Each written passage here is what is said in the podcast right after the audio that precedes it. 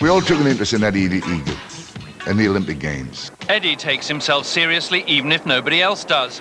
But the fans loved him for all the wrong reasons. His lack of money, trainer, kit and facilities. He was the great British loser. And most of all, the air of bumbling incompetence, somehow epitomized by those famous pink glasses.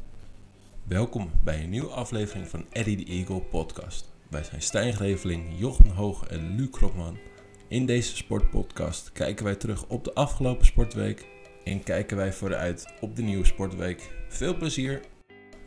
Vandaag een hele bijzondere aflevering, onze tiende aflevering, een grote Tour de France special. Uh, we bellen in met Matthijs Bugli, die momenteel in Japan zit. We bellen met hem om te vragen hoe het met hem gaat, hoe zijn route naar Tokio eruit ziet, wat er met zijn ploeg gebeurd is en hoe hij naar de Tour kijkt. Voor de rest hebben we nog een, uh, een mooie round-up. En dan uh, pakken we weer door naar de, naar de Tour Special. Om te beginnen, onze Eddy van de Week is deze keer de, de jonge garde van het tennis.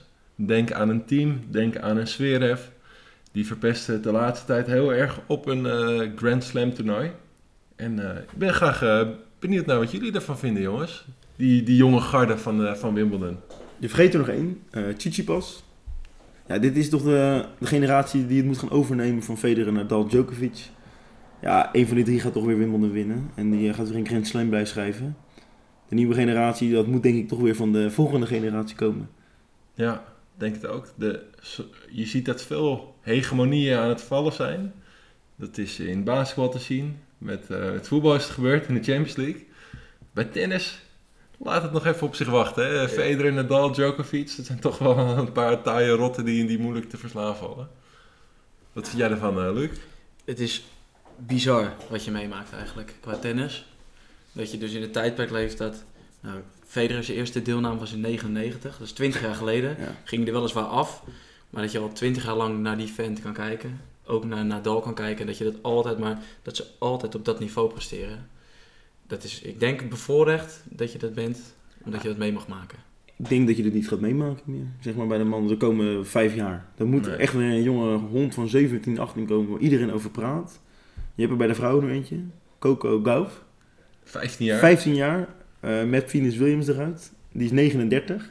Ja, misschien is dit er eentje bij de vrouwen waarvan uh, tot de 35e misschien wel alles gaat, alles gaat winnen. Ja, misschien. Maar bij vrouwenvoetbal, of bij vrouwenvoetbal, bij vrouwentennis, je houdt het gewoon alsnog. Het is zo onvoorspelbaar. Ja, dat is ook onvoorspelbaar. Dat is, dus, maar wel leuk om dat te dit kijken. Ook, dit, ze heeft zich geplaatst natuurlijk. En je voelt hem wel een beetje mm. aankomen. Dat, die, die gaat er dan denken, ja, dat kan toch wel eens een keer gebeuren. En het gebeurt ook, dat is leuk. Alleen, je zag toch met Bouchard, zag je ook, was jong. Uh, Wimbledon, finale. Ja, finale zelfs. Finale. Drie halve finales daarvoor, of twee halve ja. finales daarvoor. En dat, uiteindelijk komt er dan toch zo'n moment dat ze een inzinking krijgen. En nou goed, bij haar dan, waar ligt dan de, de, de, de prioriteit. Maar uiteindelijk is het natuurlijk wel zaak om dan door te pakken. En ik hoop dat zo'n kous dat uh, kan, uh, kan managen allemaal. Ja, ze is nog jong. Ik denk dat we niet weer gelijk met z'n allen erop moeten springen. Je zag het ook met uh, Kane in, afgelopen Roland Garros. Anisimova. Anisimova, veel over gesproken, veel over gedaan. En je ziet eigenlijk dat ze met zo'n grastoernooi... Het is een andere onder ondergrond, maar dat ze vaak dan niet gelijk mee kunnen. En dat ze toch wel andere dingen misschien wat leuker vinden dan, uh, dan de tennissen zelf, uh, als het ware. Instagram. Om even Instagram uh, lekker in die picture te staan. En nou ja, we zien wel waar het, waar het schip gaat staan. Dus het is momenteel weer leuk. Ik zag Federer zoals als press bij er staan. Dus die, die wilde er ook alles van meenemen. Ondertussen vragen Jochem, op het moment dat ze zijn aan het opnemen, speelt Bertens? Hoeveel staat het? 6-5 tweede set, 30 gelijk. dit gaat niet echt de goede kant op. Eerste set al verloren. Eerste set verloren. Maar we houden jullie op de hoogte. Jullie weten het inmiddels wel als jullie luisteren, dus dat is ook een leuke. maar Luc, wat is nog verder meer deze week gebeurd? Kleine round-up? Uh, nou, we beginnen natuurlijk uh, met uh, Nederland, met het vrouwenvoetbal. Ja, ja, in de verlenging gewonnen. Ik ken één iemand die het voorspelde. Ja. En dat was Douwe de Vries. Vriend van de show. Vriend van de show, die zei 0-0 en het wordt 1-0 in de verlenging. En uh, Warempel, wat gebeurt? Wat vonden jullie daarvan? Nou. Dramatische wedstrijd. Ik heb uh, Engeland-Amerika gezien, ik kwam terug van werk. En ik heb verbijsterend gekeken naar het eerste kwartier daar. Tactisch goed, fysiek goed. En daarna Nederland-Zweden. Uh, het was echt niet om aan te zien. Stijn, je had nog een, uh, een mooie feitje van Amerika. Ja, Amerika had um, in nog niet na de dertiende minuut hun openingsgoal gemaakt. En hun openings, de laatste openingsgoal was tegen, tegen Thailand. Die heeft ze uiteindelijk het langste op de nul kunnen houden. En die hebben uiteindelijk met 13-0 verloren.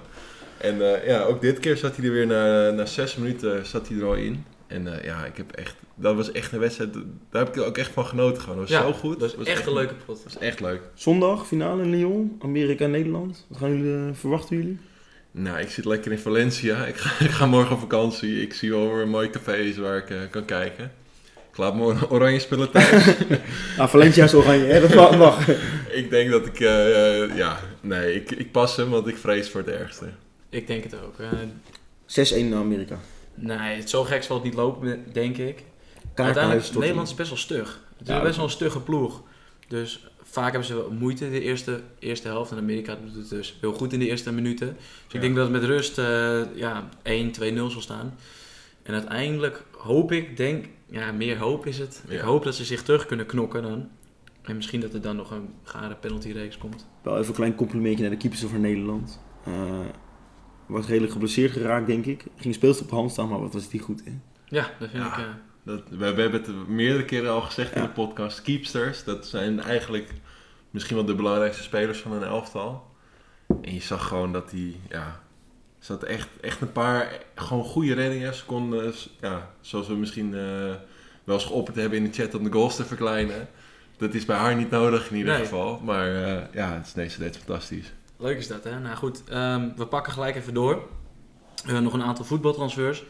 Eerst een paar eh, bevestigen, die we in de vorige podcast natuurlijk eh, benoemd hebben, die, op, die mogelijk zouden gebeuren. Eh João Felix, 126 miljoen is het uiteindelijk geworden. Jongen van 19 jaar. Ehm, heeft, zich, ja, heeft natuurlijk, kan onwijs goed voetballen. Maar wat heeft, hij, wat heeft hij nou bewezen als je kijkt naar De Licht? Ja, ja, moeilijk te zeggen. De Licht heeft een, een Europa League finale, halve finale Champions League, Eh, aanvoerder van het team. Benfi- hij speelt pas een half jaar basis. Ja. Maar ik denk dat hij wel... eh, kijk, je moet hem nu kopen, want als je hem over volgend jaar koopt, is het misschien 200 miljoen. Ja, zie je Dus bij Mbappé. Het is misschien wel prima dat ze dat nu gekocht hebben. Het is een risico wat je moet nemen. Ik denk dat het een tendens gaat worden dat spelers op een 16 of 100 miljoen gaan. Mhm.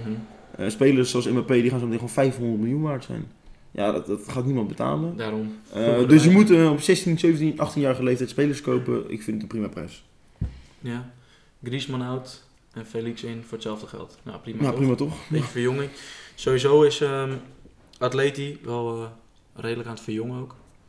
Wel een keertje leuk. Beetje het oude systeem eruit. Godin is natuurlijk naar, eh, naar Inter. Ik ben benieuwd of eh, onze Simeone dat aan kan om, het, eh, om de spelwijze te veranderen met, eh, met deze jonge gasten. Moet je het willen met, met Simeone? Zolang Oblak blijft, is er niks aan de hand. Nee, Dat denk ik ook. Verrekte goed. En Mona Burgos. Ja. Mono Burgers. Nou, dan pakken we gelijk door. Eh Luc de Jong. Nou, leuke transfer. Mooi transfer naar Sevilla. Gelijk doen. Ja. Mooie stad, ik- Ik mooie competitie. eh, in de rol als pinchitter achter onze Ben, eh ben, ben Yedder gaat weg, dus... Die gaat naar, waarschijnlijk naar United. United. Ja. Maar verder over Luc de Jong, eh, ik vind het een moeilijke transfer, want het is wel de topscorer van de eredivisie gedeeld.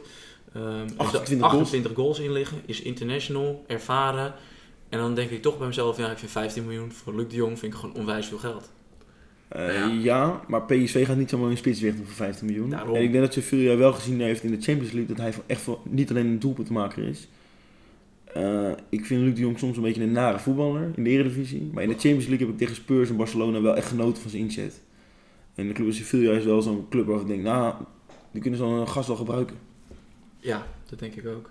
Verder is er nog een, eh, een club in Italië, waar ze beleidmatig natuurlijk niet eh, altijd heel goed zijn. Sterker nog, je vraagt je wel eens af, is daar überhaupt een beleid? Want AC Milan heeft 20 miljoen euro, 20 miljoen geboden Ja. op eh, Mitchell Dijks. nou ja, goed, eh, niks ten nadele van Dijks, maar het is toch gewoon een eh huistuin- en keukenspeler. Het Simpel. Becky. Ik, ik zag eh, wat foto's voorbij komen in onze voetbalchat. Waarin Mitchell, Mitchell Dijks al likkend aan een alcoholhoudende ijsje, ijslolly zat te likken. Wat voor een ijsje is dat? Ja, de 24 Ice. eh, maar ja, nee, het is... eh, het is ja, Nou, doen het toch gelijk als. Ja. als, als je de kans krijgt. Spelen, spelen Ja, voor Milaan. Voor man. Milan is een mooie club. Echt een mooie Opvolger voor Mitchell Dijks, Denzel. Ja, Is al wel genoemd. Ja. Ja. Verder, eh, wel. nog over, gaan we nog over een simpel bekkie die naar City is. Angelino was natuurlijk al wel uh, lachen. Ah, simpel bekkie. Simpel, hij kan wel goed voetballen. Teruggekocht. Is beter dan Sinchenko en die heeft ook gewoon hoop gespeeld. Dus, Ja, eh, daarom. ja prima aankoop. Ziyech, blijven. Ja, die gaat Wat weg, maar die gaat weg naar de Afrika Cup. Ja, die maar heeft- ik vind Sevilla wel een mooie club. Ja, maar dat is te klein voor hem. Hij is echt wereldtop. Hij is iets onder de wereldtop. Kwartfinale Champions League, halffinale Champions League. Mhm. Sevilla gaat het niet halen. Waar zou je hem heen willen zien? Want Nou, Arsenal... Arsenal. Ja, maar die willen hem niet. schijnt. Nee, maar dan ga je Arsenal wel bellen. Dat was nog goed. Ja. Jongen, heb je dat shirt van Arsenal gezien? Daar wil iedereen in spelen. Die is echt mooi. Ja, dus daar eh, moet hij naartoe. Klaar? Verder de andere club in, een andere club in Londen. Lampard terug naar Chelsea. Mooi move, ook bevestigd denk ik in de Bevestigd. vorige eh, podcast. Ja, ook... eh, Ja, dit ziet, ziet er mooi uit. Ik zag een mooi plaatje van Bleacher Report dacht ik voorbij komen. Waarin alle oude liefdes weer terugkeerden op de ONS. Zidane bij Madrid, eh, Company bij Anderlecht, eh Solskjaer bij United en nu Lampard Dat is bij... mooi, eh, dat is- ja, dat dat is mooi. dat is mooi. Ik moet het maar zien. Ja, het is altijd maar afwachten wat, wat hij kan presteren. Maar hij heeft het met Derby geloof ik goed gedaan. En eh, ik zie daar wel een... Weer de, in ieder geval het steady gewoon mee kunnen draaien richting de top 4. Precies, nou, dan komt er dus een vacature vrij bij Derby. Wie vult die in? Philip Cocu? Ja, de enige echte. wie heeft dat verwacht? Ja, ik vind dat wel een leuke. Ik vind het ook leuk. Het is wel eh, het is een competitie die in Nederland steeds populairder wordt. Eh, ik denk dat iedereen het wel gaat volgen. Het is niet eh, de allergrootste club zeg maar, eh, in de wereld, of in Europa. Maar in de competitie wel. Met Leeds. Met Leeds. grote, grote, zeg, ze hebben veel geld. Nou, ik ben benieuwd. Hij mag niet falen. Ehm, Veel druk. ja, dan hebben we natuurlijk nog Tottenham. Vorig jaar eh, hand Ook. op de knip. nu de eerste aankoper. 500 dagen geloof ik of Ja, zo, toch? 500 dagen. Was geen, echt- eh, Wie was de geen laatste? Vincent Jansen. was. Ja. Nou ja, en Dombele, ja, weinig van gezien. Ik heb de Franse competitie volg ik niet heel erg. Ik ook niet. Maar eh, hij schijnt wel aardig te kunnen ballen. En eh 62 miljoen is ook niet niks. En dan eh, om nog even terug te komen op je bedrag van Luc de Jong. Ja, als je het wegzet tegen wat er nu gaande is in de markt, vind ik 15 miljoen echt peulenschil voor, Voor de topscorer van de eh, Eredivisie. voor de topscorer van de 28 Eredivisie. Dus ja. En dan blijven we nog even in de Eredivisie. Want Flap, die maakt niet de stap naar de traditionele top 3. Dat is op zich eh, verrassend, maar daarvoor gaat hij Ja. naar Anderlecht. Dat is wel een, eh, een club in crisis, vind ik. Ja, Zo gaat ze. Club in opbouw weer. hè? Ja, weer in opbouw Afgezakt. natuurlijk. Maar daarom denk ik wel dat het een leuke transfer is. Want als je, als je in België speelt in de, in de top 3, 4, 5. Gebeurt genoeg. Maar Ehm Ajax, PSV kunnen, hebben Flap helemaal niet nodig. Daarom. Daar is hij te slecht voor. En Feyenoord kan het geen 8 miljoen betalen. Dat zou ik ook niet betalen. Dus krijg je dit soort constructies. Dus prima, toch? België. ja, ik had hem nog wel naar PSV verwacht. Maar Ja, nee. samen met Lammers, waar, waar hij toch eh, goed mee kon vinden bij Heerenveen, dacht ik van, nou, Vlammers. Lammers, dat kan, dat kan wel een goede combinatie worden in, eh, in Eindhoven daar. Ja, en dan eh, nog één laatste nieuwtje, feitje. Toch een verrassende finale in Zuid-Amerika. Brazilië tegen Peru. Peru met 3-0 gewonnen van Chili. Mooiste moment van de wedstrijd. Panenka in de 93 minuten. Die gewoon eh, bij de keeper bleef staan. Ja, Peru. Dat is Eh, dat is mooi, toch? Dat ze de finale Ja, staan. dat is 3-0 Chili pakken.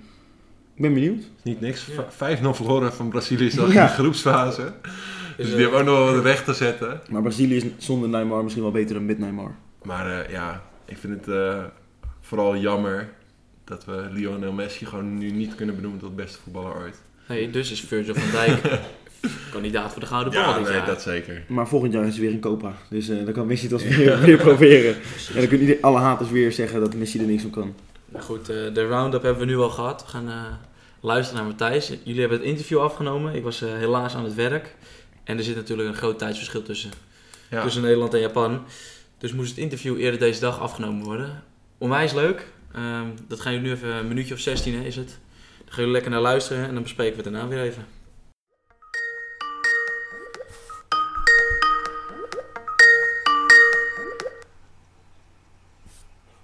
Hey, goedenavond. Hey Matthijs, alles goed? Zeker, alles onder controle. En jullie daar? Ja, Ja. prima.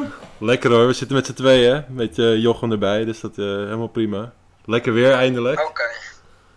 Dus, eh, Ja, dat weet ik niet. ja, Daar wel. Ja, zonnetje schijnt. het zonnetje schijnt inmiddels gelukkig en eh, de temperaturen lopen wat meer op, dus eh, het begint wat meer uit te houden. En eh, Oké. Japan nu ook Ik lekker zag weer? wel dat er... eh, ik zag een... eh, er was een, een eh, koud record gesneuveld. Ja, klopt inderdaad. Nederland. Ja, eh, Twente Min of zo. Morgen of zo. Ja, in Ja. Enschede geloof ik. Maar, Daar wonen we ver vandaan. Het gaat wel gek. Ja. Ja. Maar eh, ook, ook gewoon eens lekker in Japan of niet? seizoen eh, begonnen. Regenseizoen. Ja, dus het regent heel veel.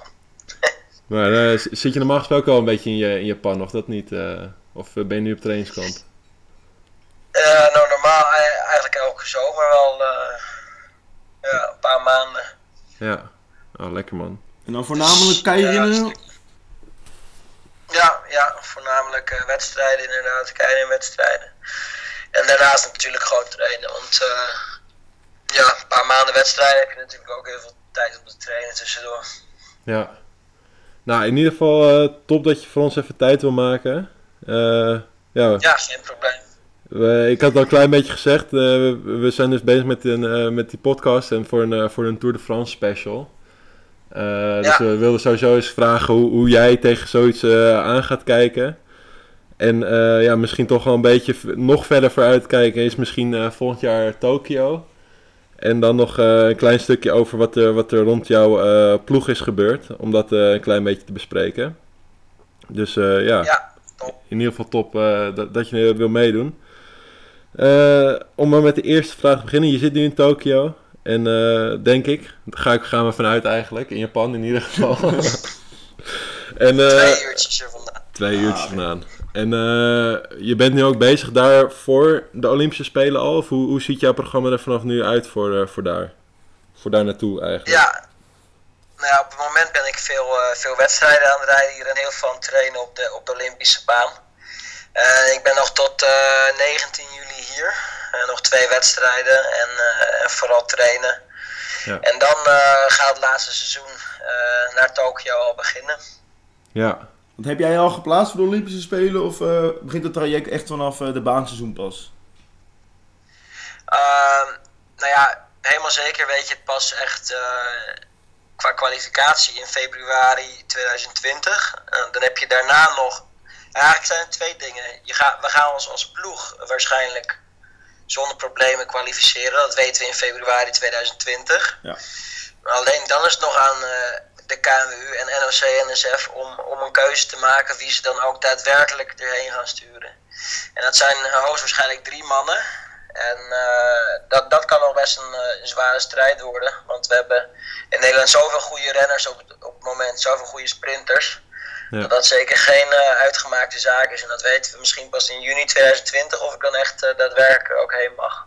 Ah ja, ja, op die manier. Nou, jij bent natuurlijk wereldkampioen Keirin. Eh dat leeft natuurlijk enorm in Japan. Ik denk dat het wel voor jou speciaal is om ja, daar Olympisch goud eventueel te winnen. Als je wel echt ver op de zaken vooruit kijkt. Ja, eh, dat, ja dat, is, dat zou echt bizar zijn. Natuurlijk, de spelen zitten elke dag in je hoofd. En eh, kijk, voor ons is het echt eh, een vierjarenplan en alles loopt echt naar de Spelen toe. Natuurlijk heb je WK's en wereldbekers tussendoor, maar Ja. eh, ja, het gaat echt wel om de Spelen. Dus ja, dat, dat scenario van winnen, dat gaat natuurlijk ook eh, vaak door je hoofd. En als je dat in Japan doet, op een Japans onderdeel, eh, dan is dat heel bijzonder. Een beetje zoals eh, judo eh, in, eh, Ja. in Tokio op de vorige Spelen, jaren 60. Toen won eh, Anton Geesink in, in Tokio judo onderdeel. Ja. En eh, ja, dat is toch iets als de Japanners in eigen huis verslaan. Dat is wel iets bijzonders, ja. Ja, precies. En, en eh, je noemde net al even die selectie. Want ik, eh, ik zag dat eh, in de Europese Spelen heb je dan niet meegedaan. Heb je die dan ook Ja. eh, bewust laten schieten? Ja, ja bewust overgeslagen. Ehm, op zich was die voor, voor de ploeg niet heel belangrijk. Het was wel echt een tussenstop. Ja. En eh, voor mij was eigenlijk het doel vooral om echt, echt, echt goed te trainen hier in Japan en hier wat wedstrijden te rijden. En als je dan nog heen en weer gaat vliegen om nog een wedstrijd te rijden waar eigenlijk niks van afhangt, dan, eh, dan levert dat eigenlijk niet zoveel op. Ze hebben ervoor gekozen om niet te doen. Ja. Want je zit daar nu dan met, eh, met de Beat Cycling Club. Ben je daar nu aan het trainen? in Japan in ieder geval. Eh, nou ja, Theo en ik, Theo Bos en ik samen. Dan hebben we nog een derde man van Piet, die is, die is wel in Nederland. Dus ja, die, die, die, Ja. die, programma's, die programma's liggen een beetje uit elkaar. Want eh, ja, dat, dat nieuws was natuurlijk denk ik ook wel, als ik de, de nieuwsberichten heb gelezen, dat het redelijk schokkend was wat, eh, wat de UCI heeft gedaan eigenlijk. Hoe, hoe kwam het nieuws bij jou aan? Nou ja, zoals bij iedereen denk ik echt als een verrassing. Dat sowieso. Uh, je leest het op, op, op Twitter. Uh, dus ja, dat, is sowieso Ja. een bijzonder. Ja, ja, ja. Dus dat is sowieso bijzonder dat een ja, mondiale sportbond eh, eigenlijk met een besluit komt dat eh, het hele, een hele sport eigenlijk verandert. En eh, van tevoren eigenlijk niet de echte stakeholders eh, daarover heeft eh, gevraagd om mee te denken. Ja. Dus eh, ja, dat was een verrassing. Want in het kort, jullie rijden voor een club. En vanaf 2020 geloof ik willen ze dat dan gaan verbieden. En dat er alleen nog landen mee mogen doen aan wereldbekers, eh, volgens mij hè?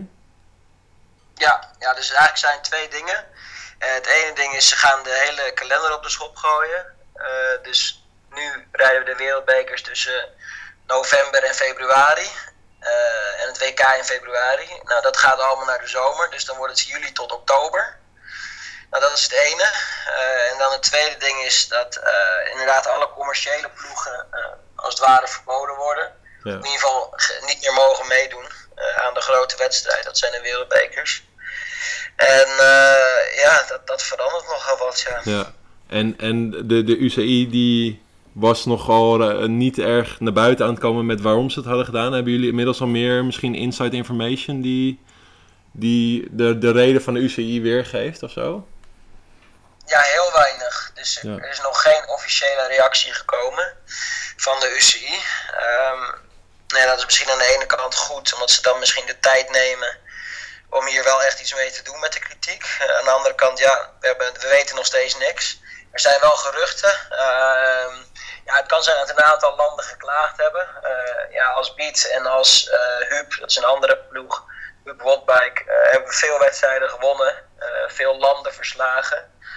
Eh, het UCI is natuurlijk een soort van een verlengde van alle nationale wielerbonden. Dus eh, ja, als je die dan steeds verslaat, dat kan een beetje tegen het zere been zijn. En er zijn wat landen die geklaagd hebben, zo weten we. Ja. En eh, een andere verklaring voor het verbieden van teams heb ik eigenlijk niet. Eh, ik zou het niet weten. Het protest komt denk ik bij Groot-Brittannië vandaan. Eh groot, grote wielrennen, ja, baanwielrennen zijn ze altijd echt sterk op de Olympische Spelen natuurlijk. Ja. En volgens mij presteren ze niet echt al te best de laatste jaren. Nee, klopt. In de wereldbekers zijn ze altijd wat minder. En eh, ja, het wringt heel erg tussen Groot-Brittannië en, eh, en de commerciële ploeg, ploeg Huub Wattbike. Ja. Dat is eigenlijk een ploeg van, eh van duurrenners, van achtervolgers. En eh, die, die verslaan eigenlijk stevast het, eh, het Britse team. en eh, nou ja, dat, dat, dat, Ja. dat levert wel een probleem op. Zeker ook ja, als je weer. Je ze hebben daar ook een ploeg die naar de Spelen wil. En als Ja. eh, de jongens die eigenlijk niet in de selectie zitten. in aanloop naar de Spelen. eh, steeds de nationale ploeg verslaan. Ja, dan. Ja, dan krijg je een situatie die voor een wielerbond niet echt eh, bevorderlijk is. En dat, dat, ja, daar hebben zij over geklaagd. Dat is wel een feit. Dus die landen hebben eigenlijk gewoon veel macht bij de UCI. Ja, ik vind het raar dat de UCI ervoor kiest om dan naar de zomer te gaan. Omdat, ja, dan is natuurlijk de Tour de France er. Eh, dat verdient genoeg aandacht. Dan denk ik, het is misschien handig voor de UCI om het hele jaar aandacht te vestigen aan wielrenners. Dat lijkt mij. Zeg maar, daardoor eh, de WK's voor de baanwielrenners gewoon in de, in de winter te houden. Zodat er eigenlijk altijd wel aandacht is voor wielrennen in de UCI. Ja, nee, dat, dat zou het meest logische zijn. Dat is ook de reden waarom ze het in, in 2006 naar de winter hebben verplaatst. Dus daarvoor was het hele baanprogramma in de zomer. Nou, toen hebben ze om die reden in de winter gedaan. eh, tot en met, eh, ja, voor dit jaar dus. Dat is dan 14, 13, 14 jaar. En ja, waarom ze het nu weer naar de zomer doen, dat is voor mij echt maar gissen. Ehm, ja, wat zou kunnen zijn, is dat ze bezig zijn met het organiseren van een super WK wielrennen. Eh, en dat is een idee van volgens mij de voorzitter van de UCI. En dat is dat in 2023 alle wielerdisciplines eh, op dezelfde plek, op hetzelfde moment een WK hebben. Ehm, Ja, dat, dat kan een cool idee zijn. Eh, Ja. Maar om daarvoor de hele, de hele planning van de jaren ervoor ook voor het baanwielrennen dan om te gooien, dat lijkt me een beetje overdreven. Maar eh, dat zou een reden kunnen zijn. Nou, ik vind het een raar besluit natuurlijk. Ja, het is apart inderdaad. En zeker als het niet eh, duidelijk gecommuniceerd wordt met jullie. Dat het, eh, ja, dat het opeens eh, zo bedacht wordt zonder de, de stakeholders te spreken. Eh, ja, maar misschien inderdaad dan naar de, het andere UCI-event te gaan. Wat, waar ze ook wel mee bezig zijn. Is het natuurlijk de Tour de France. Nou ja, je, je maatje Theo Bos heeft het als uh, op de weg geprobeerd. Is het voor jou, ligt het voor jou ook niet in het verschiet om een keer op de weg het te gaan proberen dan? Nou, tot vorig jaar zou ik keihard nee hebben geroepen tegen je. Um, ja. Echt, dit jaar ben, kijk ik toch iets anders tegenaan. Ik ben in februari wereldkampioen geworden op de Keirin. En uh, ja, ik denk dat dat toch wel iets veranderd heeft. Dat is, dat is waar je jaren dan, ja, wat je jaren als doel hebt en dan heb je dat behaald. Ja, ja. Iets, iets hogers kun je niet bereiken. Dus in die zin met een Olympische medaille op zak, wereldkampioen zijn, uh, heb je eigenlijk bijna alles wat je kan doen. In het baanrennen al wel gehad, alleen nog Olympisch goud. Ja. Um, dus ja, ik sluit, ik sluit, ja, het is heel lastig te zeggen, want het ligt zo ver van, van, ervan af van, van wat ik nu doe, uh, het wielrennen op de weg. Um, ja. Maar ja, zeg nooit nooit, zeg nooit nooit. Nou, we zouden die graag een keer op de weg zien tegen Groenewegen. ja, ja hoe... dat, is, dat, dat is zeker interessant. Kijk, Dylan Groenewegen is een hele goede sprinter. Uh, toevallig zijn we ook uh, hetzelfde geboortejaar geloof ik, dus we hebben samen gereden toen we jong waren. Tussen de ja, 10 en de 14, 15 jaar oud uh, reden we samen. En uh, ja, dan, dan merk je al dat, dat hij is natuurlijk een sprinter, maar je hebt sprinters en sprinters. Sprinters op de weg, dat zijn natuurlijk eigenlijk gewoon duurrenners. Die moeten na 200 kilometer in de Tour, eh, na drie weken Tour, moeten ze nog steeds kunnen sprinten. En dat, dat kan Dylan ook, dus dan heb je een enorm duurvermogen voor nodig. Ja. Uh, dus Dylan kon bij de, bij de nieuwelingen, junioren, bij de jonge, jonge leeftijdscategorie, kon hij ook gewoon wegrijden en dat soort dingen.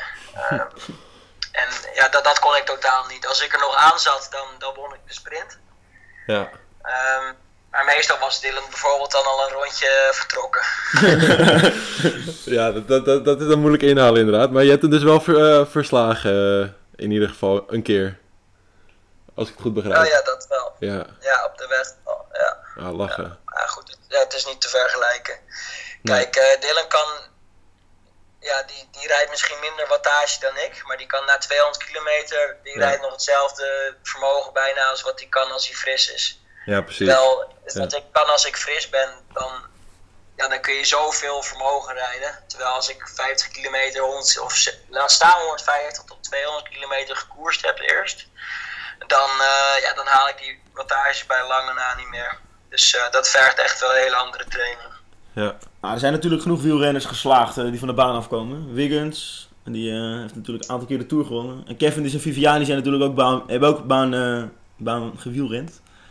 Dus ja, we hopen natuurlijk ook... Op... Het, het, verschil is wel dat zij dan op de baan duurrenners zijn. dat is wel het grappige aan. Sprinters op de weg, die zijn dan... In vergelijking met baanwielrenners, sprinters, zijn die zo uh, niet sprinter, dat ze op de baan dus duurrenners zijn. Dus ja. uh, Wiggins, uh, Viviani, die rijden allemaal de duuronderdelen op de baan. Puntenkoers, koppelkoers, omnium, achtervolging. Ja. En die zijn dan op de baan of op de weg. Is die Viviani, Viviani dan een topsprinter. Dus ja, dat ligt er wel ver vanaf. En ja, als echte sprinter uh, baansprinten naar de weg te gaan, dat heeft denk ik echt alleen Theo, uh, Theo Bos gedaan. Ja, en uh, volg jij de Tour de France eigenlijk? Dus je, je, zit nu in, in Japan en ga jij bijvoorbeeld voor, voor mooie bergetappes of juist voor de sprintetappes, ga je dan, dan lekker voor zitten? Ja, de, tour, duurt, de tour duurt wel heel lang, drie ja. weken. dus omdat, ja, het, het is, om elke dag te gaan kijken is een beetje veel, zeker omdat het ja. Hier rond de finishtijd is het ongeveer 12 uur s'nachts. Dus ik moet wel mijn, uh, mijn momenten uitkiezen. Ja. Maar als ik de afgelopen tijd bekijk, de meeste klassiekers heb ik gewoon gekeken. Uh, laatst, laatste weekend nog het NK gekeken. Ja, ik vind het mooi om, om, om te zien, zeker. Dus uh, ja, die eerste etappe, sprintetappe met de groene wegen, die hoop ik voor de winst gaat rijden. Ga ik in ieder geval zeker kijken en dan, en dan ga ik wel momenten pakken ja. om te kijken ja, de Tour de France over het algemeen natuurlijk wel gewoon uh, vaak saai en uh, op het eind spannend. Dus uh, om nou alleen je wekker te zetten voor, voor de laatste 10 kilometer is ook zonde. ja, nou ja. Ja, ja dan momenten pakken dat ik tussen 10 en 12 s'avonds kijk en dan hoop ik op spektakel. Ja. en ben ben je dan inderdaad meer van de sprintetappes of toch wel van de, van de echte koninginrit, om het zo maar te zeggen? Eh, ja, als ik dus in Nederland zou zijn, dan, eh, dan vind ik het heerlijk om te kijken naar zo'n koninginnenrit. Eh, omdat ja, je weet dat, dat de vroege vlucht en de wegrijders hebben gewoon een kans om te winnen. Ja, Dus dan ga je lekker zondag, zondagmiddag thuis op de bank zitten en dan kijk je de hele middag naar het wielrennen. Eh, ja, nu, dat gaat nu hier niet echt in Japan. Dus eh, ik ja, ga de ritten kijken dat ik verwacht dat het een mooie finale wordt. Ja. ja. Oké, en eh, mogen we jou misschien om een kleine voorspelling vragen? Wie, wie pakt de puntentrui en wie pakt de gele trui? De twee Oh, belangrijkste goeie. misschien. Ehm, ja, de puntentrui.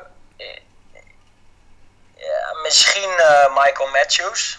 Ehm, hij heeft vooral eh, getraind eh, om, om Tom Dumoulin bij te staan. Die valt nu weg. Hij krijgt een vrijere rol dan, eh, dan gepland is. En hij heeft eerder ook hoge ogen gegooid in het puntenklassement. Dus ik, ik tip Michael Matthews. Ja. Ehm, ja, anders misschien Sagan. Ja, als, hij, als, hij- als hij er zin in heeft. Ja, die heeft hem natuurlijk al zeven, wat is het, zes, zeven Ja, keer zeven, gepakt. ja, zoiets. Dus eh, ja, dat is gewoon alles kunnen en die, die, die is wel favoriet. Ehm gele dat wordt heel interessant. Ehm, ja, Thomas is in principe denk ik favoriet. ja.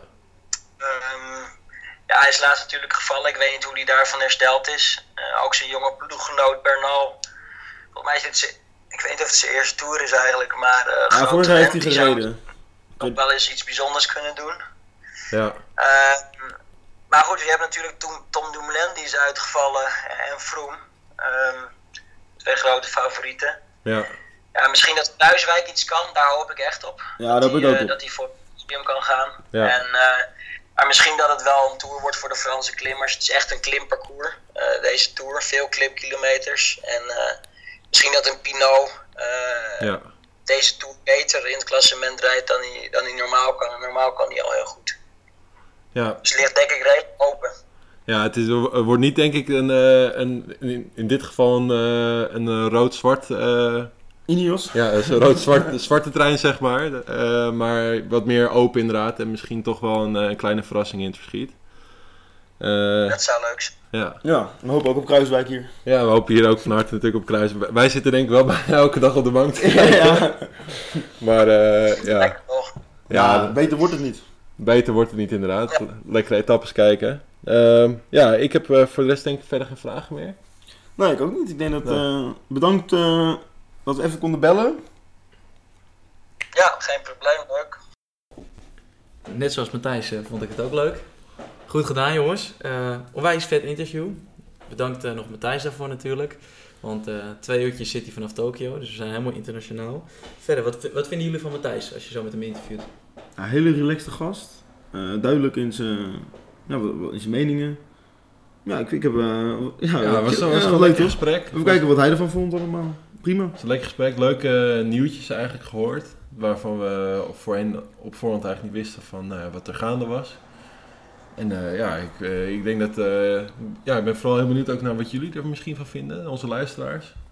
En eh, laat het ons vooral weten via, via Twitter natuurlijk, of via onze e-mailadres podcast Eddy. Ik denk dat we een nieuwe vriend van de show hebben.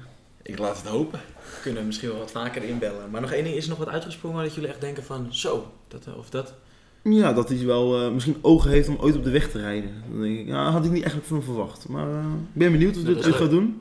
Ja, net zoals eh, dat hij met Groenewegen, Groenewegen inderdaad heeft gereden Ja. een leuk stukje. En omdat die allemaal groene wegen zijn. En, eh, en natuurlijk dat hij ehm, ja, over dat, dat, dat ulti- ultieme WK wielrennen. Dat vond ik ook wel iets wat ik dacht van, nou ja, dat, dat op zich, het pakt voor zijn tak van sport misschien niet helemaal goed uit.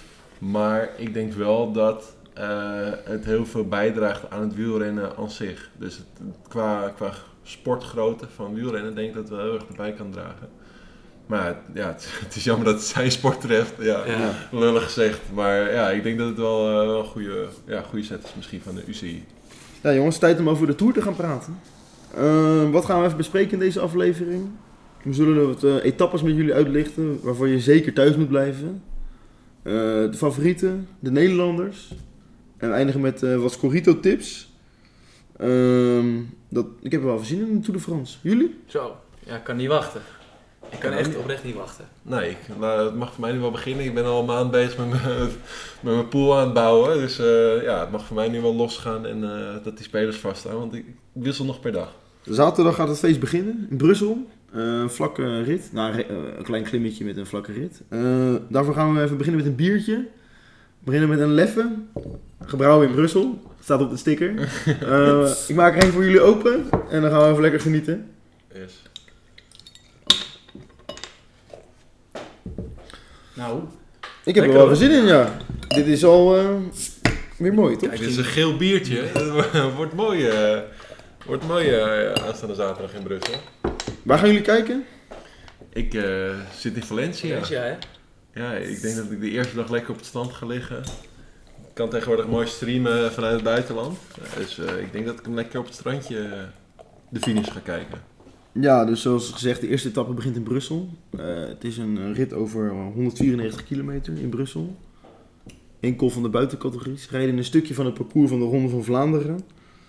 En de finish is in Brussel vlak. Eh Groenewegen grote kans hebben op geel. Dat zou toch mooi Ja, zijn? voor mij de kanshebber.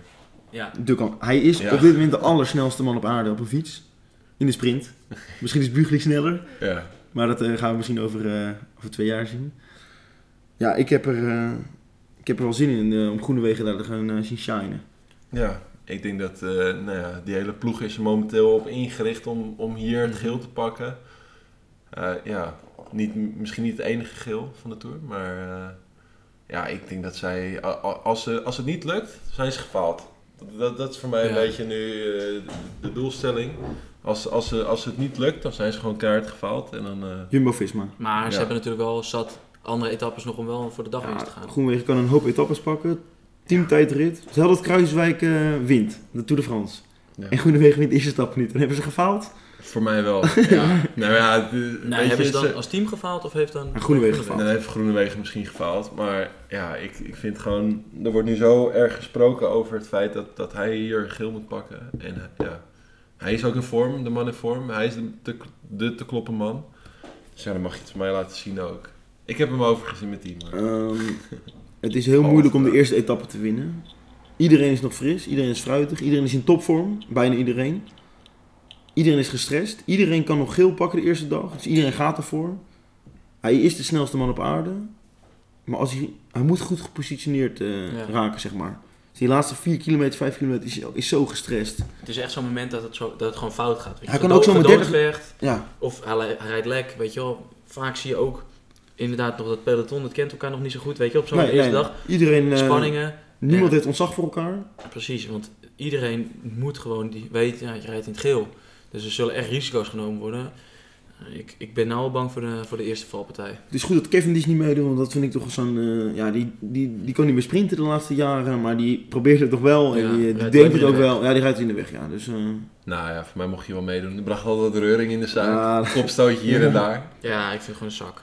Ja, inmiddels wel. Ja, het is een beetje, een beetje gezien ook, weet je. wel. Dat is ook niet meer leuk, die hegemonie. Hoe vaak heeft hij nou een etappe gewonnen? 28 keer of zo? 30 etappes gewoon. 30 Alleen etappes. Eddie Mer- Merckx heeft er meer, Ja, 34. ja, goed, het is wel een prestatie hoor. Ja, dat vind je niet zomaar. Hoor. Hij staat nummer 2 all-time. Dan de volgende dag, teamtijdrit, ook in Brussel. Eh, ja, Ineos, grote favoriet denk ik. ja. Kans op geel voor eh, Van Baarle en Poels. Het zou ook mooi zijn, hè? Groenewegen dag 1 en dan Poels de volgende dag. Ja, Dan laten we even in Brussel zien, in België. Ja, maar als Poels of Bru- eh, Van Baarle, degene Ja. die het hoogst eindigt in de eerste etappe, van dat team wat in de tweede dag wint, die komt in het geel. precies. Dus stel dat Poels eindigt 34ste en Van Baarle 18e. En ze winnen de ploegentijdrit eh, de volgende dag, dan rijdt Van Baarle in het geel. Dus ja, dat zou best kunnen, want Van Baarle zou dan misschien wel stiekem denken, nou weet je, ik ga gewoon eh, vooraan in het peloton rijden. Jawel hoor, dat, daar wordt wel over nagedacht. Ja, ja, dat denk ik ook wel. Maar ja, ik, eh, Team Jumbo-Visma is ook niet zomaar te kloppen, denk ik. Een paar, paar goede tijdrijders. Nu met eh Der Panzerwagen Ja. en eh, Wout van Aert. Die, Panzer. kunnen wel wat wattages trappen. eh, Mike Teunissen, jouw favoriet. Ja, Mikey Teunissen, ja, die gaat, die gaat wel naar het geel leiden hoor. Ja. Kan je dus wel meenemen nog als punten, Als puntpakker. Nou, ik zou hem niet nemen, maar jij denkt er heel anders over. Ja. Nou, dan gaan we naar eh, donderdag, 13 juli. Voor mij misschien wel de, ja, de eerste week is echt een mooie week. Wel redelijk wat heuveltjes, een teamtijdrit en een berg, eh, berg op finish. Spreek jij het mooi uit, Stijn, met je Frans accent? La Planche de Belleville. De berg van de mooie meisjes. Ja. Ik weet nog wel heel goed dat eh, er staat een mooi filmpje op Dumpert van eh, onze, ja, toch wel een held misschien, Bram Tankink.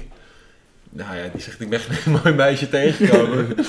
en als het was, dan was het op het moment dat ik helemaal oud ging van, eh, van het wiel, van het fietsen. En eh, ja, het, het, is, eh, het is wat de moeite waard om die even op te zoeken weer. Ik vind ook wel, misschien kunnen we dat nog een keer gaan proberen. Gewoon bellen met Bram. Bellen met Bram, wat die Ik ervan bedoel- vindt. Ja, dat lijkt me echt lachen. Ja, Eh, met eh, Bram Tanker, dat is zo'n mooi vent. Mooier wordt het niet, hè? Nee, dat hij, dat hij dan ook weer vergeet. Oh, is, is het echt? Zijn ze- Zijn ze weg? Ze is echt wel weg. Dat het peloton al weg is en Bram die staat er nog. Maar rit 6, Genieten. eerst de finishberg op. Ehm, ik denk als je daar wint, dat je de Tour de France niet wint. Nee, dat, eh, ik heb gehoord dat ze nog een eh, klein geitenpaadje opgaan, een greffelpad. Stijgingspercentage 25% ongeveer. Ja, het is een- Jezus. Dus op het koffieballetje naar boven trappen. En eh, ja, dat is gewoon eh, stilstaan, zwabberend. Ik zag eh, een straven voorbij komen. Die was echt letterlijk gewoon van een topwielrenner gewoon schuin traverserend de berg. Ja, die heb ik ook gezien, ja. ja, ja. Nou, het is bij- bijna niet te doen. En ik denk dat eh, Gewoon lopen. alleen met een extra astma-puffje, zoals, zoals Froome het in de goede dagen deed, heeft hij het nog wel, eh, Sobitamol. heeft hij het nog wel ge- ge- gered. Nou, tussen rit 6 en 14 zijn er genoeg leuke ritten om naar te kijken. Redelijk wat heuvelritten. Gemaakt voor eh Alaphilippe en eh, consorten. Ik denk dat die wel... eh, ja, dat er genoeg... dat er een parcours gebouwd is ook om eh Alaphilippe te laten shinen. Ehm, ja, rit 14. 117 kilometer naar de Tourmalet. De bekendste klim denk ik wel van eh, de Tour de France. Ja. Die dit jaar eh, Ja. is. Geen eh Alpe d'Huez, geen Mont Ventoux. Nee, ik denk dat het ook wel eens goed is om eh zo'n wat jaartje over te slaan. Ik denk dat, eh, de- vaak zie je met de Giro ook, of met zo'n ronde van Zwitserland, dat als er nieuwe rondes, routes worden aangedaan, dat is zo mooi weer om even Ja. te zien hoe mooi zo'n land kan zijn. En ik denk, nou ja, Tourmalet is dan wel een van de bekendste, maar er zijn nog wel misschien meerdere die echt wel de moeite waard zijn om even eh, de tv aan te zetten. Om daar even op- op in te spelen. Gewoon die helikoptershots weer. Dat, Ja. vind ik, dat vind ik tour. Ja, dat is het mooiste Dat aan je een Tour. beetje overdag, Ja. of je komt net nog uit je werk, of je hebt een dag vrij. Onwijs lekker weer buiten. Gewoon binnen zitten. tour kijken. Biertje, stokbroodje. Lekker naar, Oh. lekker naar, eh, naar Maarten Ducro luisteren. En dat ze dan over een of ander kasteel beginnen. Een ruïne, wat er toen Ja, gebeurde. Dat is toch heerlijk. Er gebeurt geen zak. Ducro en Dijkstra, die, eh, Die, die twee mannen, daar kan ik ja, die hebben geen, onwijs ballen, van genieten. geen ballenverstand van eh, welke renner waar is. Maar als die over kastelen beginnen te praten, dan... Dat, eh, dan word je verliefd. maar ja, de Tour de France brengt het gewoon mooier in beeld. De, Ja. Giro en Vuelta hebben misschien altijd een mooie parcours. Maar de Tour is voor mij toch wel de Tour. Alle stress eromheen. eh, iedereen die kijkt, de media. Ook hoe de NOS uitpakt. De NOS pakt uit, de Belg pakt uit. Een mooie programma's, RTL leuk om te 7. kijken. RTL 7. Ja, en daarna jongens, 18, 19 en 20. Dat zijn echt open kanonnen. Alle renners zijn er bang voor, denk ik. Wat eh, zijn wij dan aan het doen? Wij zitten lekker op Texel. Ik denk dat we 30 hoogtemeters hebben. Lekker vanaf Velsen op het fietsje naar. Een weekendje weg met de fietsclub. Ook leuk. Maar ik denk zeker dat wij wel eh, Wij kijken, we gaan daar wel kijken met wat etappes gaan kijken. Ja, dat denk ik wel, ja. In de ochtend lekker de garnalenboot op en 's middags lekker eh, een biertje en op het terras Tour de France kijken. En hopen jongens dat Kruiswijk in de derde week laat zien dat, ja. Ja. dat hij de echte beste is. Ik heb erg veel vertrouwen in die gast. Geen sneeuw. Geen sneeuw. Ja. Hij hoeft niet te dalen. Eh, we zijn twee keer finish bergop. Het is echt... Ja, ik, ik, word er gewoon ik, ik word er emotioneel van als ik aan denk. Ik had het eh, vanmiddag ook nog met de vaste luisteraar Tim, eh Tim Nelis, eh, had ik het er even over. Hij zei wel van, er zijn heel veel hoogtemeters. Dus waarschijnlijk de enige die daar echt goed tegen kunnen, dat zijn eh, onze vrienden uit Colombia. Bernal. Bernal, Ja. Quintana, die zijn, die zijn wel gewend om op die hoogtes te fietsen. Ja. En ik denk dat daarin toch wel misschien dat Kruiswijk als, Als meneer we, op het zeeniveau Ja. eh, nog wel even wat Ja. tekort komt op, op, op echt dat soort hoogte, hoogtemeters. ja, boven de 2000 meter schijnt het allemaal anders te worden. Eh moeilijker ademhalen en et cetera. En ja, dan, dan krijg je echt een strijd van wie, eh, Ja. wie is de sterkste. Wie is het waar? Wie heeft nog wat mee? Dat vind ik Ja, aan Nederlandse, Nederlandse ploegen. Dat vaak toch de kopman zit gewoon vaak alleen op de laatste. Omdat er is gewoon minder budget waarschijnlijk voor Ja, voor betere Kruiswijk, renners. Kruiswijk en Groenewegen een kopman. Ik bedoel, ze hebben vier renners voor Groenewegen, vier renners voor Kruiswijk. Precies, maar als je kijkt, een, een Poels, die kan gewoon zo onwijs goed rijden. En ook klimmen. Ja, en als dat je knecht is, dan heb je, Ja. dat, dat scheelt zoveel. Dat is wel een wereld van verschil inderdaad. Ja, nu over eh, wie eh, denken jullie dat het gaat winnen, jongens? Als we het toch over hebben. De hele tour? Ja, de hele Tour.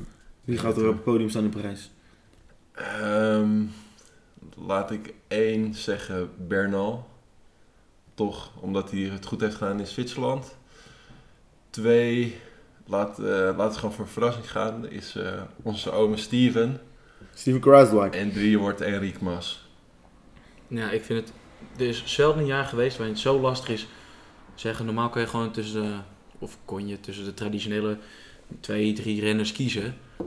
En vaak koos je een, een Vroom of. eh je noemt maar Dumoulin. wat. Dumoulin.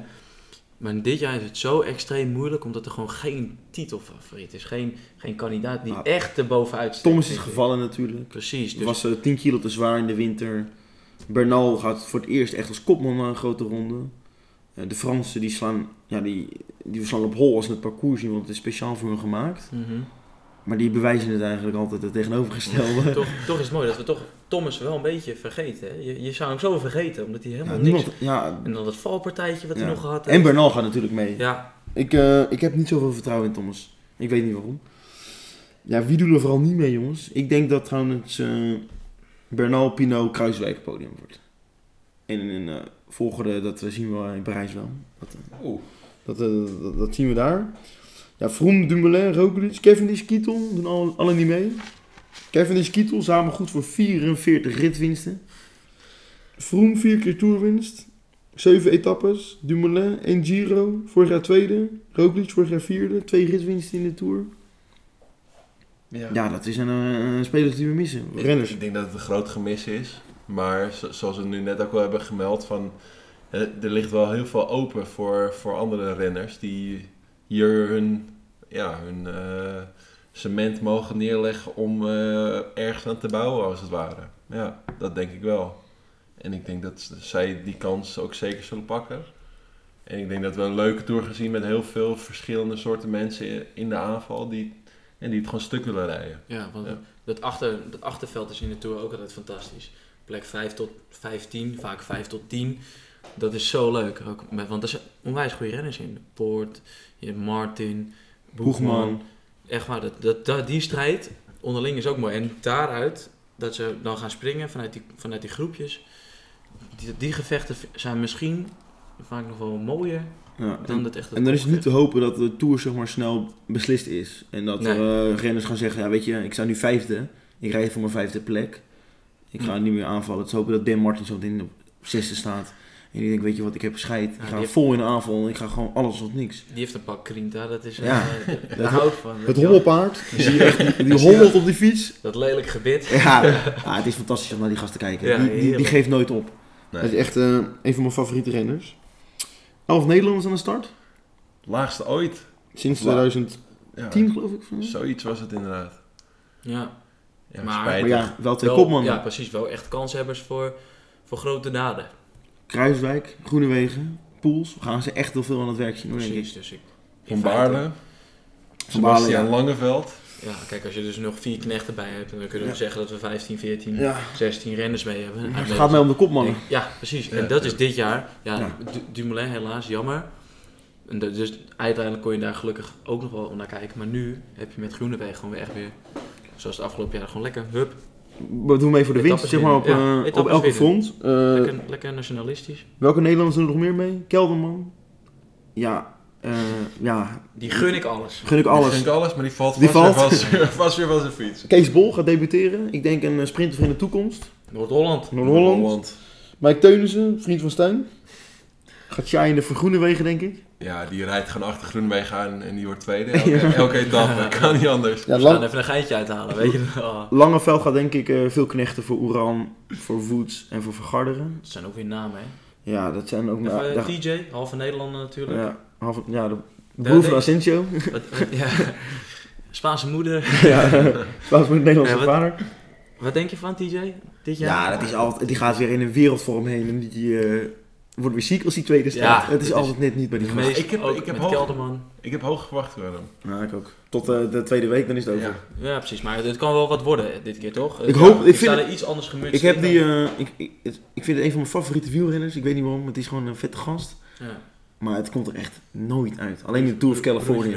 Ja. ja. Wie doen we verder nog mee? Mollema. Hij heeft in een interview net gezegd dat hij eh, geen tijd wil verliezen in de eerste week. Eh, moet waarschijnlijk knechten van Poort. Ja. Maar het zou toch mooi zijn als hij na een Giro ook eh, een mooie Tour kan rijden. ja, maar hij vaak... Ja, ik denk niet dat hij de benen heeft. Ik denk dat hij een Hij slechte derde week over, heeft. Precies. ja, ja. En dan, maar dan is het ook niet zo erg als je eh, dan... Met die wetenschap ga je ook eerder knechten, toch?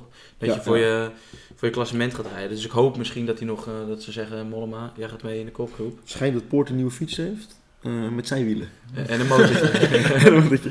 dus die klap in die afdaling. ja, vorig jaar. Of twee jaar geleden. met. Martin erbij. Ja, Poort heeft nu gezegd dat hij geen zenuwen heeft. Maar joh, die gozer kan niet sturen. Maar niks kan, niks kan aannemen wat hij zegt. Nee. kan wel trappen. Er zit een motor in. Ja, de laatste Nederlanders. Terpstra, haar liefste verhouding met de Tour. Altijd een beetje net niet. Gaat voor ritwins. Ja, dat gunnen we die gasten ook wel. Eerste maar week hier. ik denk dat Ale Philippe of... Er zijn altijd wel mensen die iets beter zijn dan Terpstra. Terps heeft een ongelukkig jaar. Hij heeft net geen goede sprint. Ja, dat, dat ook. Ja, het kan, het kan twee kanten op. Ik vind het altijd moeilijk te zeggen zonder enige informatie, want eh, hij woont wel in de buurt. Maar eh, ik, ik spreek hem niet. nee, nee, nee. We komen niet even tegen op de Nee, fiets. Maar goed, we bellen volgende week wel even met hem. eh, dat moet wel goed komen. En laatste Nederlander Koen de Kort. Gaat ook eh, knechten voor Poort. Ik wist niet eens dat hij nog op de fiets zat. Volgens mij is het zijn allerlaatste jaar als, eh, als wielrenner. Ja, het lijkt me, lijkt me verstandig. Die gaat genieten dus, toch? Ja, dat zijn de Nederlanders en ik hoop dat we ervan van kunnen gaan genieten. Eh, ik denk dat we wel een aantal Nederlanders veel in beeld gaan zien.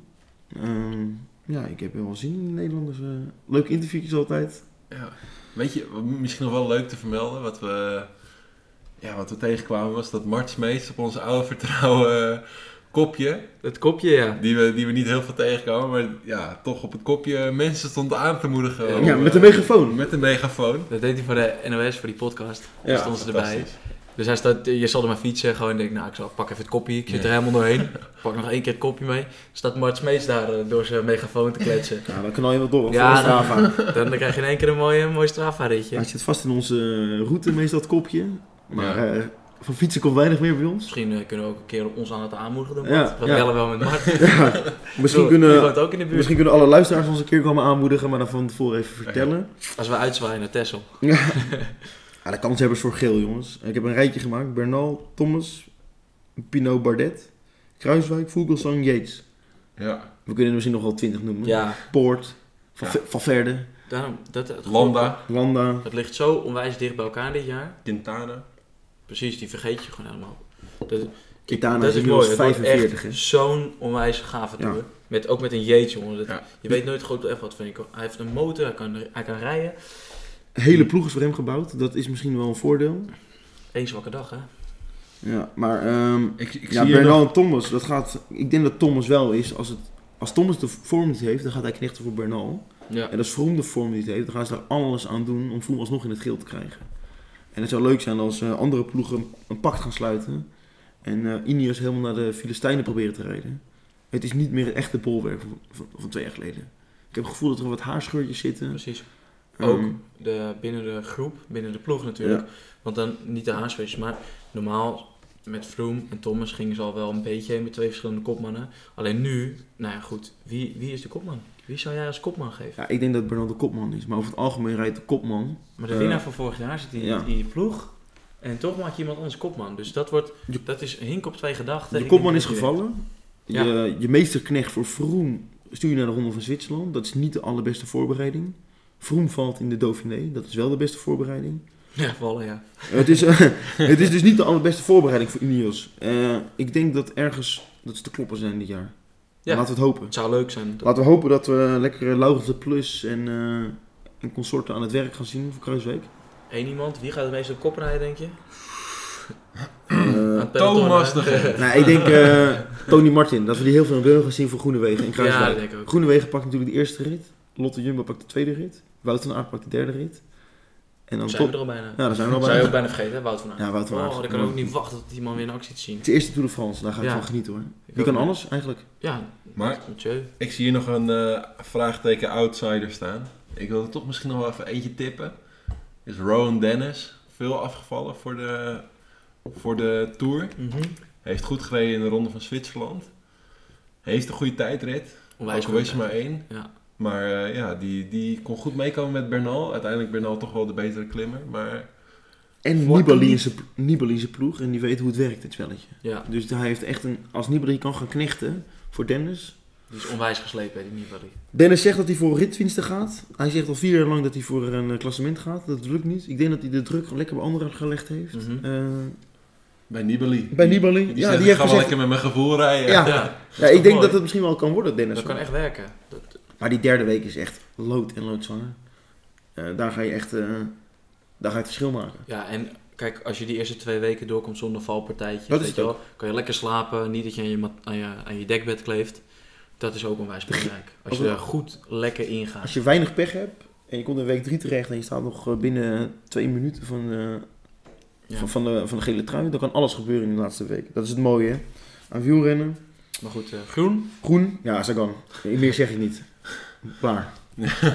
Oké. Nou, ik, ik- ja... eh, Boegli zei wat anders. Bugli zei het anders, inderdaad. Die zei eh, Michael Matthews. Kon ik me ook wel in vinden. Mhm. Kijk, uiteindelijk gaat de groene trui toch ook wel om, om, om een renner die een beetje kan klimmen. Ja, En Matthews heeft zich echt gefocust om Dumoulin bij te staan. Heeft veel hoogtemeters gemaakt. Kan altijd wel goed de berg overkomen. Dus ik, ja, hij is leuk. Hij is leuk. het is leuk om hem erbij te hebben. Leuk gozer. En eh, ik, ja, misschien dat ik toch nog wel even mijn tour... eh, ik heb hem nu nog niet namelijk. Maar misschien dat ik hem toch wel ga omgooien om hem toch in mijn team te, te hebben. Matthews. Matthews. Ja. Nou, leuk over Sagan nog een, een feitje. Eerste keer in acht jaar dat hij een rit gaat, of een, een, een ronde gaat starten in zijn teamtricot. Voorheen Ja. reed hij altijd in een kampioenstrui of van eh, Slowakije. Of de wereldkampioenstrui natuurlijk onwijs lang gedragen. Ehm, dus we gaan hem weer een keer zien. Voor het laatste keer, wat stond er ook weer Ja, voor? 2011 geloof ik. deel, hè? Ja, Kennedeel. En Liquigas, denk ik. Liquigas, ja, Liquigas, ja. Ik Dus, herken eh, hem niet meer. Nee. Nee, dat was nog een jonge ventje. En, Nou, eh, binnen een paar dagen heeft hij misschien groen en dan eh, Ja, rijdt hij tot het eind van de Tour naar ja. groen. En dan heeft hij weer drie dagen in uh, Borat gereden. als- stel hij wordt tweede. Tweede, ja, die, die tijdrit, dat gaat Borat Nee, niet maar, worden. ja, maar goed, dan rijdt hij dan in het groen. Oh ja, dat, ja dan rijdt hij Groenwegen. Dus, ja, ja, ja, ja, ja, stel, ja, eh, ja. Dus Hij moet eigenlijk gewoon tweede worden. was hij tweede, één of tweede, dan heeft hij weer een trui te pakken. Wel een keertje goed voor, eh, voor het teamgevoel misschien. Ja. ja, ze rijden al genoeg in de kampioenstrui in uh, Bij Bora. Bora. Dan eh bolletjes, hè? Nou, bolletjestrui, ik denk Alain Philippe of een Fransman. Oh, bolletjes. Ja, Barguil. Ook nog wel kans hebben, denk ik. Die gaat toch ook altijd wel hard, eh, hard die berg op en af. en af. Is dat, is dat misschien de truc? Gewoon niet voor ritwinst gaan, maar echt puur focussen voor de bolletjes? Ja, ik denk als je de bolletjestrui wil winnen, en degene, degene die de bolletjestrui wint, pakt Wint. altijd wel een paar etappes. Ja, Want die is de sterkste van de dag. punten liggen bergop. Ja, ja, ja. Finish bergop, weet je wel. Alain Philippe Ja. vorig jaar twee etappes in een bolletrui. Barguil won het jaar daarvoor twee etappes in een bergtrui. Ik denk dat we een beetje naar die mannen gaan kijken. Het hangt ook een beetje vanaf wie, die- wie die eerste week week doorkomt. even, even die paar puntjes pakt op de derde, vierde, vierde categorie. En dan zin heeft om dat ook door te trekken Ja. naar de andere bergen. En dan eh, En voor de Ja. sponsor, hè? Gewoon, eh, ik ga lekker voor de spons lekker, Lekker voor voorop de sponsor, rijden. ja. Lekker, heerlijk. Dat zijn ook van die mooie etappes altijd. Even terugkijken dat de een of andere kleine ploeg continentaal. Lekker dat het, dat het voorin rond eh, lekker draaien. Er gebeurt heel vrij weinig. Ja, soms rijdt er eentje lekker en that's it. Ja. Verder, nou goed, dan hebben we wit nog hè. Ja, Bernal. Ja, Hetzelfde als eh, groen misschien. Ja. Gewoon één man. Bernal en eh, Mas. Ja, ik, Mas. rijdt echt een dramatisch jaar. Ja. Slecht in vorm. Ik denk Bernal gewoon... Je hebt hem niet in je team dus hoor. Nee, niet in mijn team, geen punten pakken. Ik denk dat hij gewoon met een uur voorsprong de witte trui wint. Ja. ja goed, hij is kans hebben om voor de eindzege sowieso. Daarom. Dus dan, dan pak je wit bijna automatisch wel. Ja, en ook dit jaar jongens spelen we Scorito Pool. We hebben een hoop deelnemers in onze Eddie the Eagle subpool. Hoeveel heb je daar? We hebben er 60. Jeetje. Ah, daar kan er echt wel een hoop bij. Eh, doe mee. Kunnen er nog wel 40 bij. Kunnen we wel 40 bij gaan voor 100. Want is Eh, eh, de winnaar krijgt van ons een mooi flesje rood. Barolootje. Waarschijnlijk wel. Zo, zoals het gaat in de Live Slow Ride Ja. Fast podcast. Eh, benoeming in de podcast. Daar gaan we het zo meteen nog even over hebben. Maar voordat we daarover gaan hebben, nog een paar tips. Bij Vijf de, tips. bij de 100 wil ik overigens nog wel de, de prijs verdubbelen. Krijgt hij van mij een extra flesje Barolo. krijgt hij van mij een pak. Pak rode wijn. En dan mag je een mooi berichtje plaatsen in onze podcast met de groetjes aan eh, Ja. zijn vrouw. ja, vijf renners die je moet hebben, denk ik. Eh, nummer 1, Alaphilippe, 2,5 miljoen. Winnaar. Kan goed Ja. tijdrit rijden. Zit in een wereldploeg. Kan je elke dag opstellen. Ja. Ik vind het zo mooi om naar die man te kijken. Ik zag hem laatst in een afdaling naar beneden gaan. Vier keer buiten de, buiten de weg gekomen. Gewoon weer lekker, lekker op de weg komen. Druk naar achteren blijven kijken. Zoon van, Een, gewoon- eh, van een circus, eh, directeur, toch?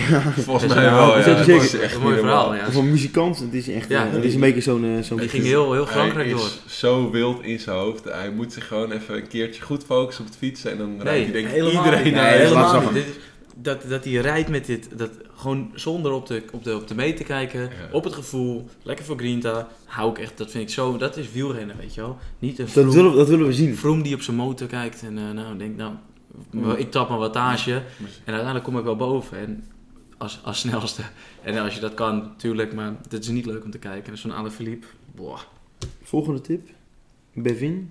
Bevin. Patrick Bevin. Bevin. Rijden voor eh, CCC. 750k. K. Kan sprinten. Kan een tijdrit rijden. Het is misschien een goedkoop alternatief eh, om in je team te hebben. Gewoon voor in die sprinter-etappetjes om lekker in je team te hebben. opvullen. Opvullen. Opvullen, lekker. weinig geld. Weinig geld. Kan punten pakken. Het kan ook helemaal anders aflopen. Maar dat risico moet je soms nemen. Eh, Bernal zou ik absoluut kiezen. Jody, Jody Bernal. Jody Bernal. Kessie. Ken je nog? Eh, 4,5 miljoen. Rennen van Ineos. Kan rood, of kan, rood kan, eh, kan geel en Wit. wit winnen. Als je in wit rijdt, pakt hij sowieso nog Ja, dan pakt hij altijd heel veel punten. Eh, dan kan je natuurlijk ook gewoon even een teamgenoot kiezen voor 10 punten. We hebben eh, Warren, Stijn zijn favoriet. Stijntje. Ja. Ik ben echt fan van die man. Ik weet niet wat het is. Ik vond hem al mooi in die dagen bij Sunweb. Bij, eh, ja, toch naar een kleinere ploeg gegaan, hè? toch naar een kleine ploeg Met gegaan. iets meer geld. Maar ja. Gaat dat- rijden in het eh, rood, wit, blauw, want hij is Frans kampioen. Ja, Makkelijk te herkennen. daarom. En ik, ik, ik heb hem in mijn team gehad. Toen heb ik hem weer uitgegooid. Want eh, een, eh, iemand zei van ja, dit is, Ja. die moet je er niet in hebben. Hij is compleet uit vorm. Toen zag ik hem in die tricot inderdaad. Toen dacht ik, nee, hij gaat er toch weer bij. Eén ding, ik vind het altijd wel met dat soort renners is het vaak moeilijk. Wanneer stel je ze op? Elke bergtap. Ja, elke berg het Ja, dat is moeilijk, is dat. Soms, dan, ja, het is gokken. Hij kan eh, winnen, maar hij kan ook eh, zeggen, nou vandaag even niet. En dan verspeur je toch eigenlijk een pak punten. Dus dat is altijd lastig. En het laatste deel. tip. Een sprinter van Van de Groep Gobert. Die rijden echt voor elke sprint. Gaat geen etappe winnen. Gaat geen top 5 rijden. Maar voor 750.000 euro heb je Pascal Lon in je team. En dat is echt een puntenpakker eh, voor zoveel geld. Ik denk het ook. Ik denk dat veel mensen hem kiezen. Goedkoop alternatief om te sprinten. Opvuller. Ja, je- het is gewoon zaak om met sprinters-etappes gewoon die top 10 goed te spekken. Mhm. Denk ik. En om soms misschien een eh, Mike Teunissen bijvoorbeeld in je team te hebben. Dat, die krijgt ook punten met een sprintersetappe als eh, zijn sprinter wint. Dus ja, en met de bergetappes, ja, dat is gewoon puur geluk misschien in het begin. En eh, ja, het is gewoon de klassementsrenners opstellen. En ik denk dat, ja, Nog even een klein berichtje voor onze vrienden van Scorito. De spelers van Scorito. Op dit moment zijn we bezig natuurlijk met de WK Vrouwen en Wimbledon. De koploper van de WK Vrouwen is Meer Pim FC. Nou, Meer Pim FC houdt dit vol. Dan, eh, je bent er bijna. dan krijg je volgende week weer een benoeming van ons. En bij Wimbledon is de koploper op dit moment Fabank. Nou, we zitten pas in het begin van Wimbledon. Aan het eind gaat alles beslist worden. Dus eh jij gaat het ding niet volhouden. dat, dat denken wij. Wij komen eraan. Wij komen eraan. Nou, ik niet. Ehm, ja, dus doe allemaal mee met Eddie de Eagle, Suppel. Eh win een flesje Barolo, winnaar 2. En een pak. Winnen. We gaan pak wijn. Een pak, pak, wijn. Een Pak pak wijn. Eh, ik denk dat het was voor deze week. Denk het wel. Ik denk dat we er op de eerstvolgende rustdag weer zijn. Ja, dan gaan we jullie vertellen eh, hoe het allemaal gaat. Ik ben op vakantie. Ik Ik- eh, zie jullie na de vakantie weer. ga lekker inbellen, joh. We gaan lekker inbellen. En dan eh, tot eh, de eerste rustdag. Bedankt voor het luisteren. Doei doei. Vind, om, vind ons op Twitter, at Jochemoog, at Stijn Greveling, at Luc Kroppan. En wij zien jullie op de eerstvolgende rustdag van de Tour de France. Doei doei.